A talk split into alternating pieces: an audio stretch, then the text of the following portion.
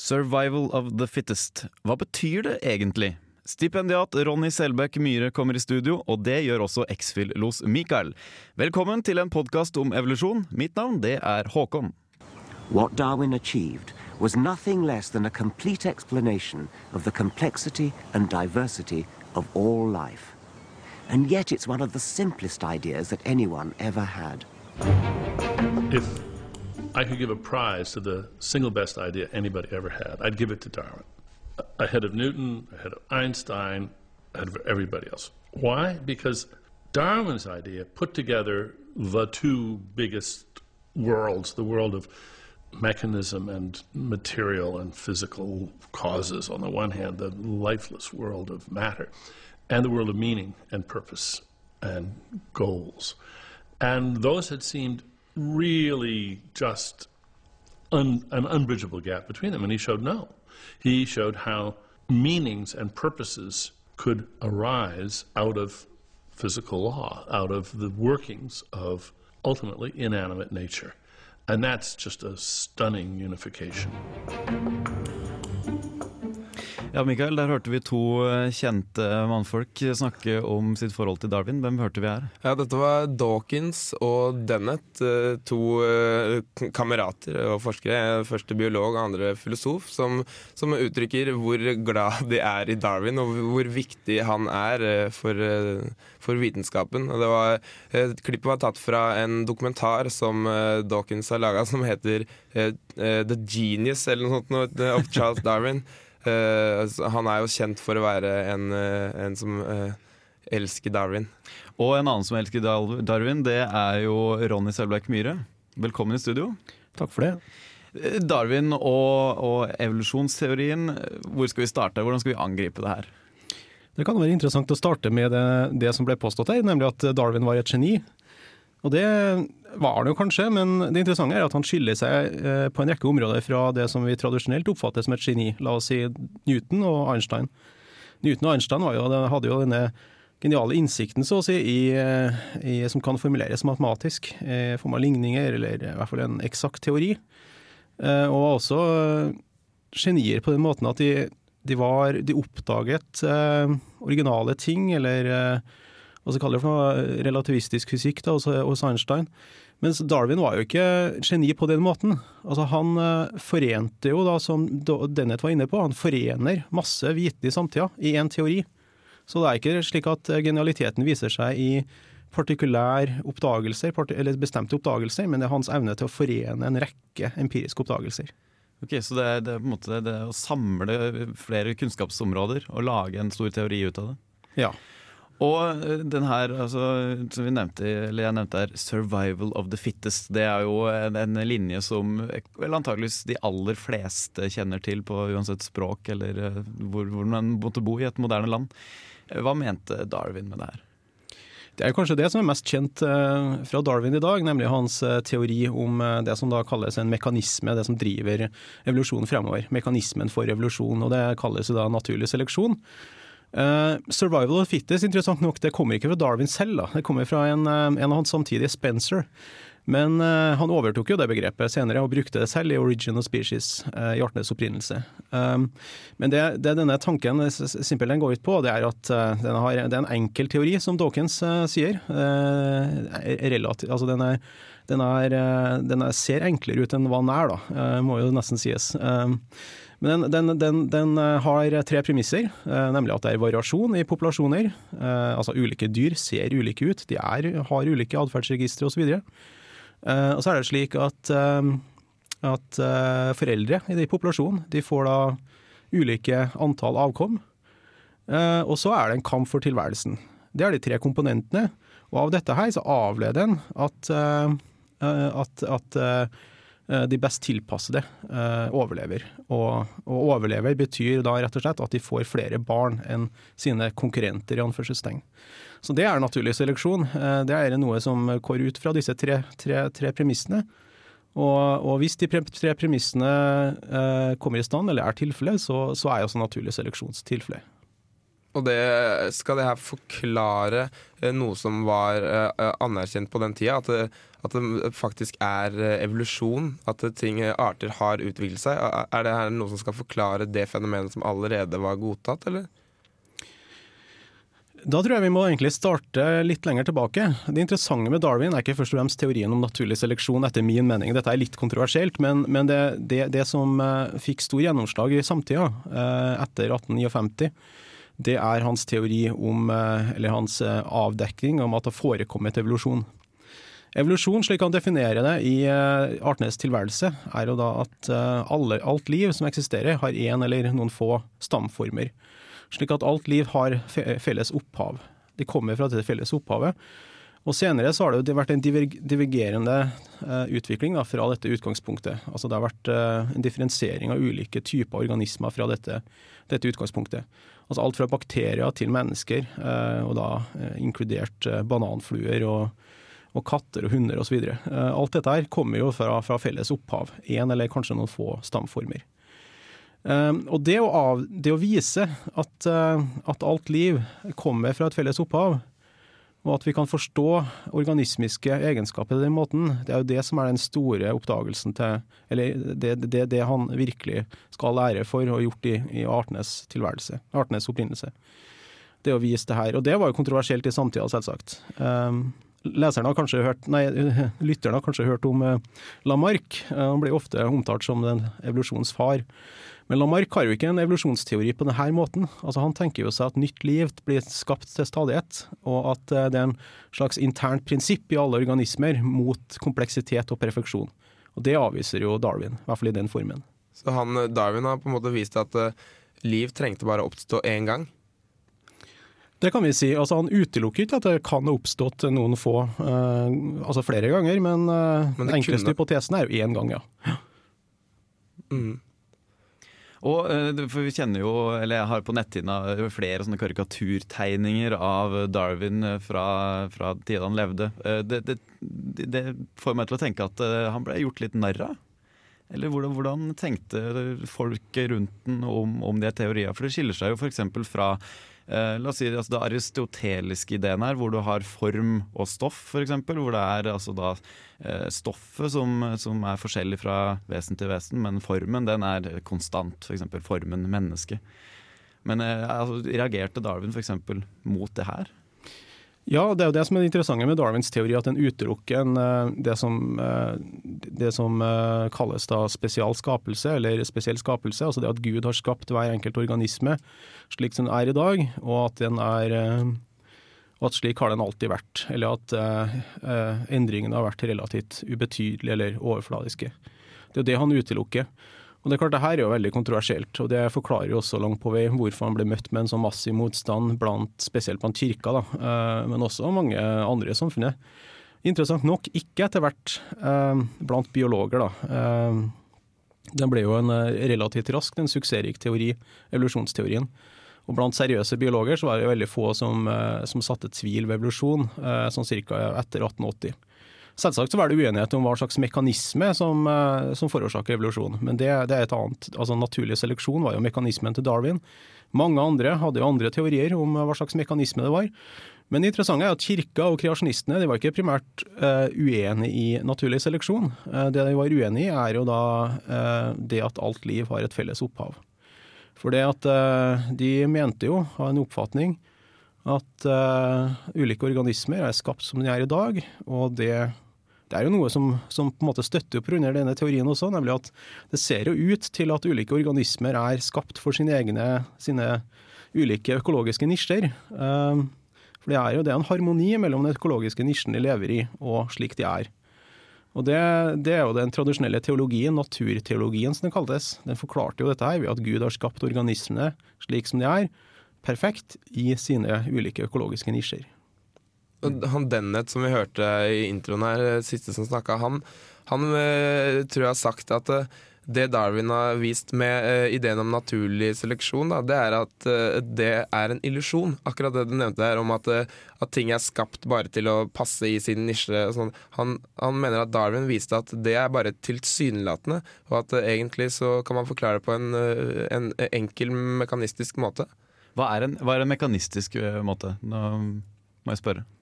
Spør du meg. Uh, Ja, eller eh, hvem, hvem som helst der, den som eh, vil svare. Ja, En mekanisme tror jeg kan brukes på ulike måter. altså Det er kanskje lytterne er kjent med, eller mest kjente er kanskje klassisk mekanikk. altså Det er Newtons mekanikk.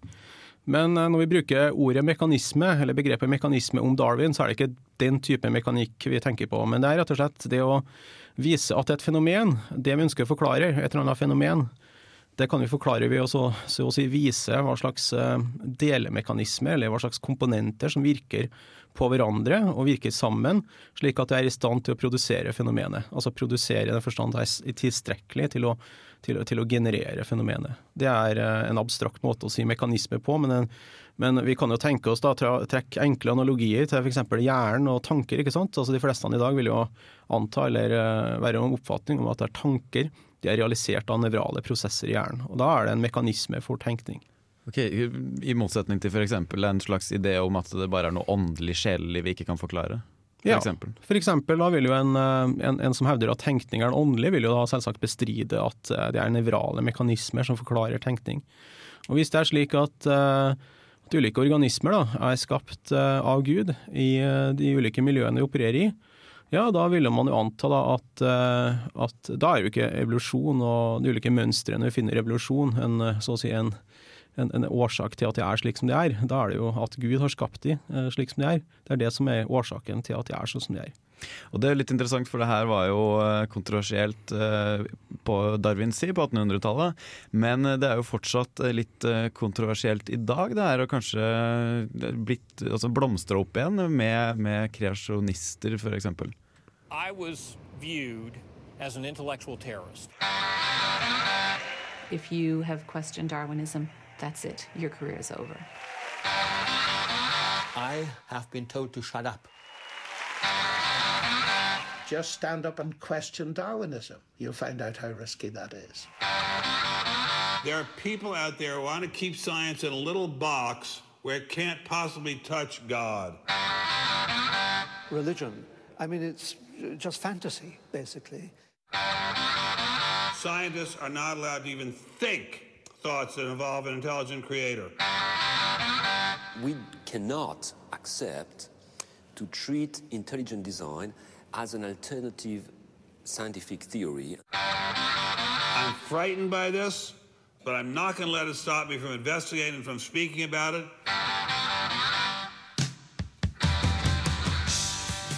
Ja, Det var et kort klipp fra en film av en ved navn Ben Stein. Som, den filmen handler om hvordan utdanningssystemet og vitenskapsmenn undertrykker intelligent design. Ja. Selbekk Myhre, har, har, darwinisme blitt en religion? Nei, det har det absolutt ikke. Og det, det er jo en, en, felles oppfatning blant mange intelligent design-teoretikere og også kreasjonister og mange andre at darwinisme er en monolittisk enhet. Det er det ikke.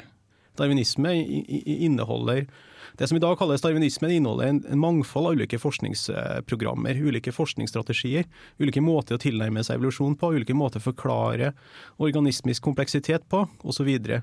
så det å tro at darwinisme er et felles, altså det er en monolittisk enhet, alle mener det samme, eller noe sånt, det er bare sludder. Og det er den revolvermann-mentaliteten som skjuler seg bak en del av de uttalelsene som vi hørte her, det for å stå for deres egne regning, selvsagt, men er, er, verden er ikke så enkel. Altså. Er ikke, darwinisme er ingen monolittisk enhet. så det er en, en veldig interessant debatt innenfor, uh, innenfor darwinismen i dag, altså ulike, innenfor biologi i dag, om uh, hva slags type mekanismer som er viktigst for revolusjon.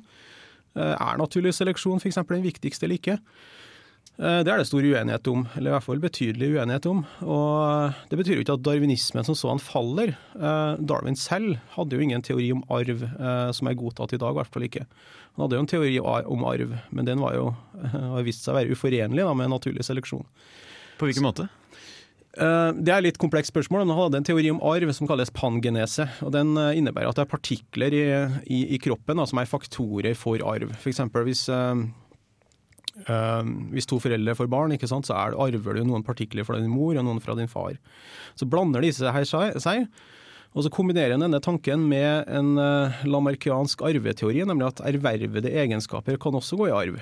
Så hva slags uh, opplevelser, erfaringer, andre organismiske eh, nye egenskaper du har fått da, i ditt liv, det kan jo gå til arv til dine barn. Og det ble jo vist på slutten av 1800-tallet at det ikke var mulig.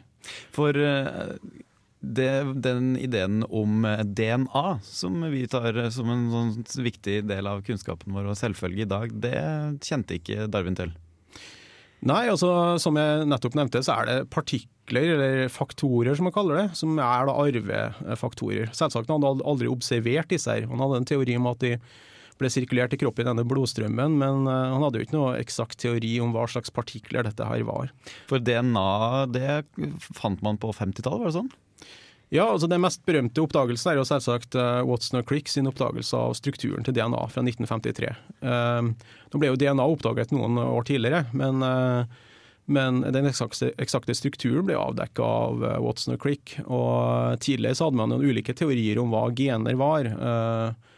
og det, det, er Var det proteiner osv. Og, og det, det, er, det, er, jo en av de store oppdagelsene, og som muliggjorde molekylærgenetikk da, fra 1953 av. Uh, molekylær genetikk, da må jeg spørre. Er det det vi, når vi snakker om DNA, er det molekylær genetikk? Ja, molekylær biologi kan du si generelt. Det er jo da er jo en disiplin som oppsto etter oppdagelsen av strukturen til DNA. Og molekylær genetikk er jo da læren om hvordan, uh, ja, hvordan eh, celler interagerer med, med, med, med, DNA, og da eh, skaper proteiner osv. Alt det er molekylærgenetikk, og også arv, da selvsagt. Arv er en viktig komponent her. Og eh, Darwin han la mye av grunnlaget for hele den eller, altså Jeg har sett, sett det skrevet at eh, Darwin på mange måter eh, konkluderte mye av den vitenskapelige tankegangen på hele 1800-tallet. At liksom det, det, oppsummertes i, i Darwins eh, evolusjonsteori. Eh, altså, på hvilken måte, Hvor hadde man vært i dag uten Darwin? Jeg tror det, er det som er interessant med Darwin, er at han ble lenge undervurdert som tenker og, og vitenskapsperson. Eh, nettopp fordi han, inge, han var ikke av denne type vitenskapsperson som har geniale innsikter i relativt ung alder. Han eh, skrev jo da Original Species kom ut når han var 50 år gammel. Og, og eh, han hadde jo riktignok en del interessante artikler for det også, men ingen store, kjente oppdagelser for det. Og, eh, og, han var på en måte en, en person som forener mye av, av, ulike data, og er i stand til å formulere en teori som forener all den dataen. Og Det er det som er Darwins storhet. Så det er klart, om du, om du, mener at Darwin er den viktigste vitenskapsmannen eller ikke, så er jeg i hvert fall ganske sikker på at han kommer på, helt på topp på lista. Uh, og det er eh, det interessante er at han skiller seg fra de fleste andre på den lista, nettopp i at han er en person som mestrer det å kombinere eller forene en helt utall av ulike data i en teori. Litt sånn uh, eh, 1800-tallets Aristoteles nesten, tenker jeg. Ja, det er en interessant sammenligning, for Aristoteles var jo da, uh, i likhet med Darwin også, en, en, person som var i stand til å forene, forsøkte å forene veldig mye, mange fenomener i en teori. Uh, både i naturfilosofien og også i, i metafysikken. Så eh, Det interessante er også at eh, Darwin selv var jo eh, over veldig um, på en måte um, Veldig påvirket på en måte, men likte veldig godt Aristoteles. Og det, til tross for at de har ganske ulike teorier, men jeg tror kanskje på en måte at forskjellene også er overvurdert til en viss grad. Aristoteles var selvsagt ingen evolusjonstenker, men hvorvidt han utelukka hvorvidt Hvorvidt teorien hans utelukker evolusjon eller ikke, det er jo et stort og interessant spørsmål i seg selv. Men det at han, han trodde nok ikke på at det var evolusjon på samme måte som Darwin gjorde. Men det er også fordi at man hadde jo et tidsforløp her, eller en oppfattelse av tid som var helt annerledes. Så for Aristoteles er jo titusenvis av år, det er jo lang tid. Eh, for Darwin så er det ubetydelig. En av de viktigste argumentene mot, uh, mot uh, darwinismen i hans samtid kommer jo fra en fysiker, lord Kelvin som da viste at jorda umulig kunne være så gammel som Darwin tenkte seg. Og han, eh, Lord Kelvin mente jo da at eh, jorda mulig kunne være mer enn eh, så vidt jeg husker, 200 millioner år gammel. Og Det gjør jo da naturlig seleksjon eh, til en umulig mekanisme for revolusjon. Nå hadde jo ikke lord Kelvin noen eh, kunnskap om radioaktivitet, så det, så det, fikk vi jo senere. Og da viste det seg at jorda var mye eldre da, enn 200 millioner år. Men det, vi var jo litt inne på det i stad. For å pense tilbake til kreasjonister. De er vel De er jo ikke, de, de er jo ikke helt enige med Darwin der. Nei, dette er veldig viktig. fordi at Altså Blant biologer i dag så, som jeg nevnte, så er det uenighet om hva slags mekanismer som forårsaker evolusjon. Altså Er det, er det naturlig seleksjon som er så sin eneste viktige interessante mekanisme, eller er det andre? Det kreasjonistene primært er opptatt av, det er jo ikke om naturlig seleksjon og eventuelt andre mekanismer forårsaker evolusjon. Det de bestrider, er jo evolusjon i seg selv. Altså, Finnes det en bavian i familietreet, for å si det litt enkelt? eh, hvis det gjør det, ikke sant, så vil jo kreasjonistene ha det bort. Eh, for det er jo det de ikke tror på. De tror ikke på evolusjon. Og det, der er det, det er der det interessante skismatet ligger, da, mellom intelligent design, eh, kreasjonister på ene sida kanskje, eh, og, og, og, biologer på den andre sida. Intelligent design, eh, hva går den teorien ut på? Intelligent design er en teori som ikke er altså Den er kreasjonistisk på sett og vis, men den, den, den, hevder jo da ikke, i likhet med klassisk Eller den hevder ikke, slik som klassisk kreasjonisme gjorde det, nemlig at Gud skapte organismene i så å si slik de er nå. Og det har alltid vært sånn, men de, de hevder at det er, en, at det er prinsipper eller lover eller mekanismer da, som gjelder revolusjon, som gjør at eh, artene slik som de er i dag, er mer eller mindre uunngåelige.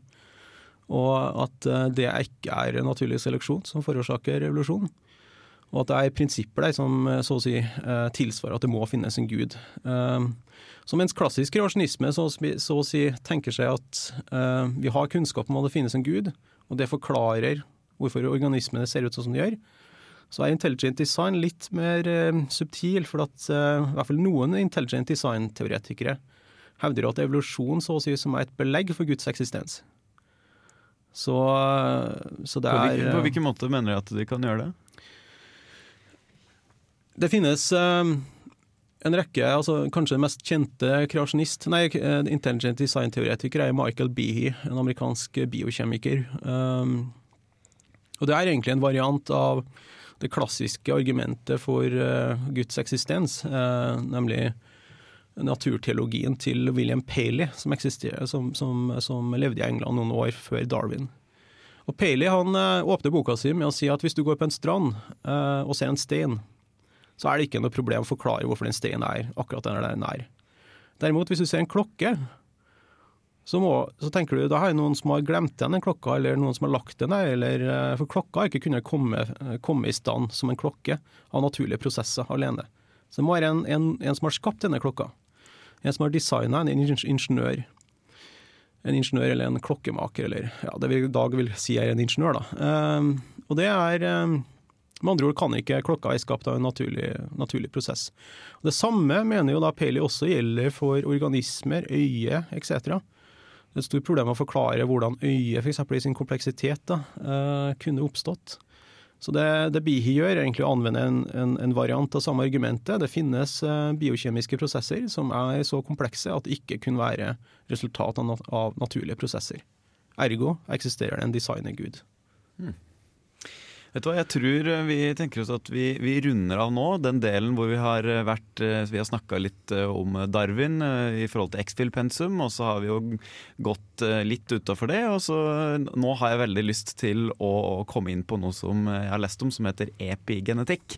Og du som hører på nå, du, du kan få lov til å trykke stopp på mediespilleren din hvis du, hvis du kun er ute etter uh, det som er direkte knytta til X-Fill-pensum, men nå blir det virkelig spennende. For Ronny Selbakk Myhre, hva er egentlig epigenetikk? Epigenetikk er jo da en av eh, ja, Det er en oppdagelse at det finnes eh, At på hvilken måte DNA-et blir lest av celler på, er avgjørende også for hva slags type proteiner som eh, blir produsert i en celle. Dette er jo ingen som er uenig i så langt. Noen tenker seg at epigenetikk er en viktig komponent også i evolusjon. For eksempel er det slik at når jeg ble skapt en gang, eller om det var jeg eller ikke, det er jo uklart, da, men i hvert fall når, en, eh, når, når, du har et egg som blir befrukta, så er det slik at egget det, eh, har også en rekke andre biologiske komponenter utover DNA. Og Det det kalles da er et reguleringsregime, altså et cellulært reguleringsregime som regulerer hva slags type proteiner som den cellen skal produsere. Og Siden du arver, da, i motsetning eh, til din far, så arver du også eh, eh, celler fra din mor. Så så det, arver du også disse epigenetiske reguleringsmekanismene, som det kalles. Og det er jo slik at Alle vet jo det i dag, at alle celler i kroppen din, bortsett fra noen få, da, røde blodlegemer osv. Så, videre. så de aller fleste cellene i kroppen din det har jo det samme DNA-et. Enten en hjernecelle eller en hudcelle eller en levercelle eller hva som helst, eh, så har det samme DNA-et. Men hva slags proteiner som produserer et, et nevron, er jo veldig forskjellig fra hva slags eh, proteiner som produseres i en hudcelle, f.eks. Så hva er det som bestemmer det? Og det er da reguleringsmekanismer i celler. Det er det som kort sagt kalles epigenetikk. da. Og det får du da, som du sier, fra altså, Faren, han får bare DNA-et sitt videre. Mm. Men det er fordi morskroppen bygger, bygger barnet, at cellene hennes uh, blir med inn i barnet. da.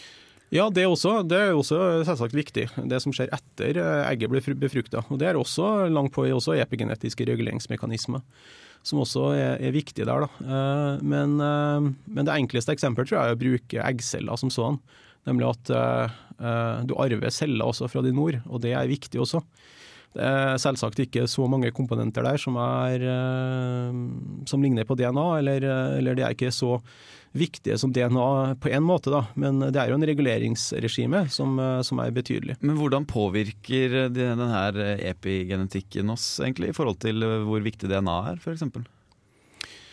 Ja, dette er jo en veldig interessant debatt innenfor, innenfor utviklingsgenetikk i dag. Og det er Altså Utviklingsgenetikk er rett og slett studie om hvordan uh, ulike DNA-ressurser blir aktive og, eller passive ut ifra hva slags reguleringsregime som gjelder i de ulike cellene. Um, og Det er jo én ledende aktør på området som heter Shapiro. Um, og Han uh, har skrevet en bok nå nylig Uh, som uh, heter 'Evolution from the 20th First Century'. Han er ingen kreasjonist eller intelligent design-teoretiker, men han er en seriøs biolog, uh, genetiker. Og han, han har tatt til orde for at den måten, ikke bare han, men flere andre også, den måten vi oppfatter DNA på, ikke blant biologer, men i befolkninga for øvrig, er jo som en slags oppskrift eller en slags blueprint sant, på et voksent menneske, eller voksent, voksen utgave av den organismen det gjelder. da. Så Det er jo som en sa på slutten av 80-tallet, at gi meg DNA-et, så, så, skal jeg dedusere hvordan eh, organismen ser ut. Um, og det, det tror jeg de aller fleste i dag mener at er umulig. Og det, det Shapiro sier, er at vi må slutte å Førsten sier det at det, vi må slutte selvsagt å snakke om DNA-et som, en, eh, som, som et, en oppskrift eller en blueprint. Det der det er en det er mer, mer, mer korrekt å omtale, som flere andre har påpekt også, mer som en harddisk av informasjon. DNA-et har en masse informasjon og ressurser. Så kan cellen bruke den ressursene på ulike måter. Altså Det at du har informasjon på harddisken, betyr jo ikke at du bruker informasjon hele tiden. Så, så det er det han kaller et, eh, en, eh, en eh, read only memory, da, eller at det er en slags ROM hukommelse i, i, i DNA-et. Men i den siste boka si mener jeg at selv den metaforen ikke holder. da, For at, uh, det er mye som tyder på at cellen kan omskrive DNA-et. Så det kan faktisk så DNA må mer omtales som et read-write memory system. Så det vil si at uh, i løpet av livet mitt, og i, i, forhold til hvordan jeg faktisk lever ut mitt liv i verden, så vil kroppen min kunne påvirke tilbake DNA-et mitt? Uh, der er nok den korte historien at det kan jeg sannsynligvis ikke gjøre. Uh, ikke hvis du mener med DNA det, du, det dine barn arver. Uh, det tror jeg nok er veldig vanskelig å vise at det skjer.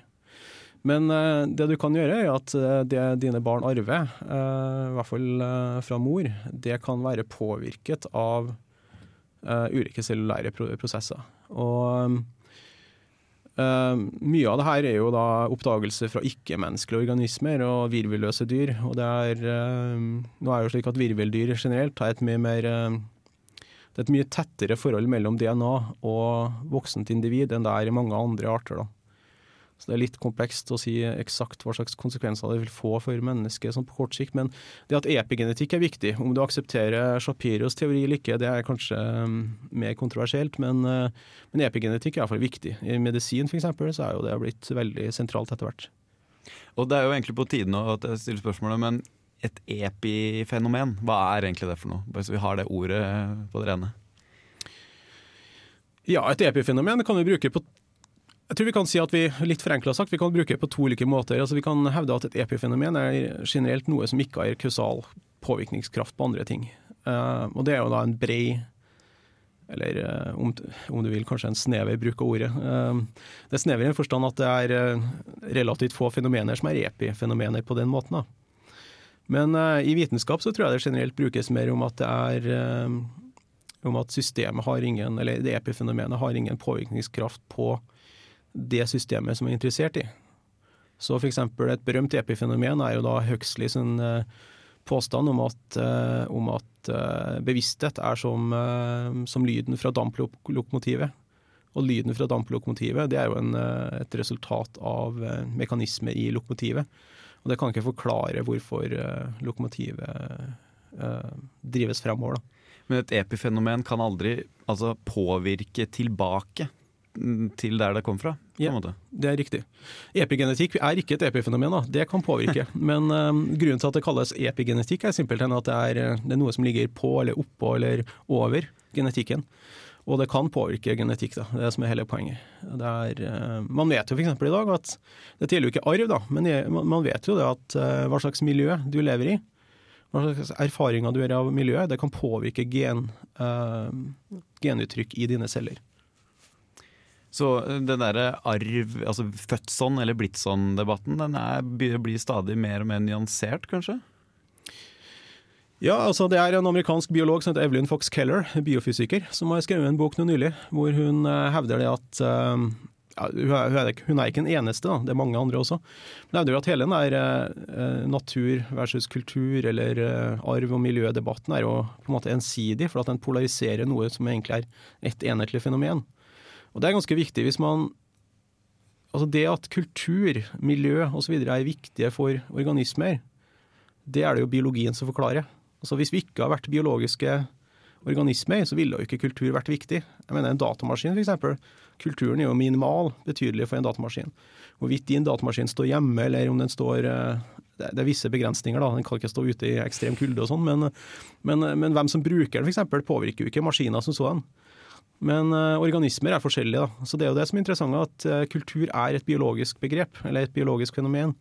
Og, og denne skillet mellom natur og kultur er jo meningsløs hvis man, hvis man tenker på det at begge komponentene er jo viktige for å, ut, for, for å, forklare utvikling i organismen, og hva slags egenskaper organismen har.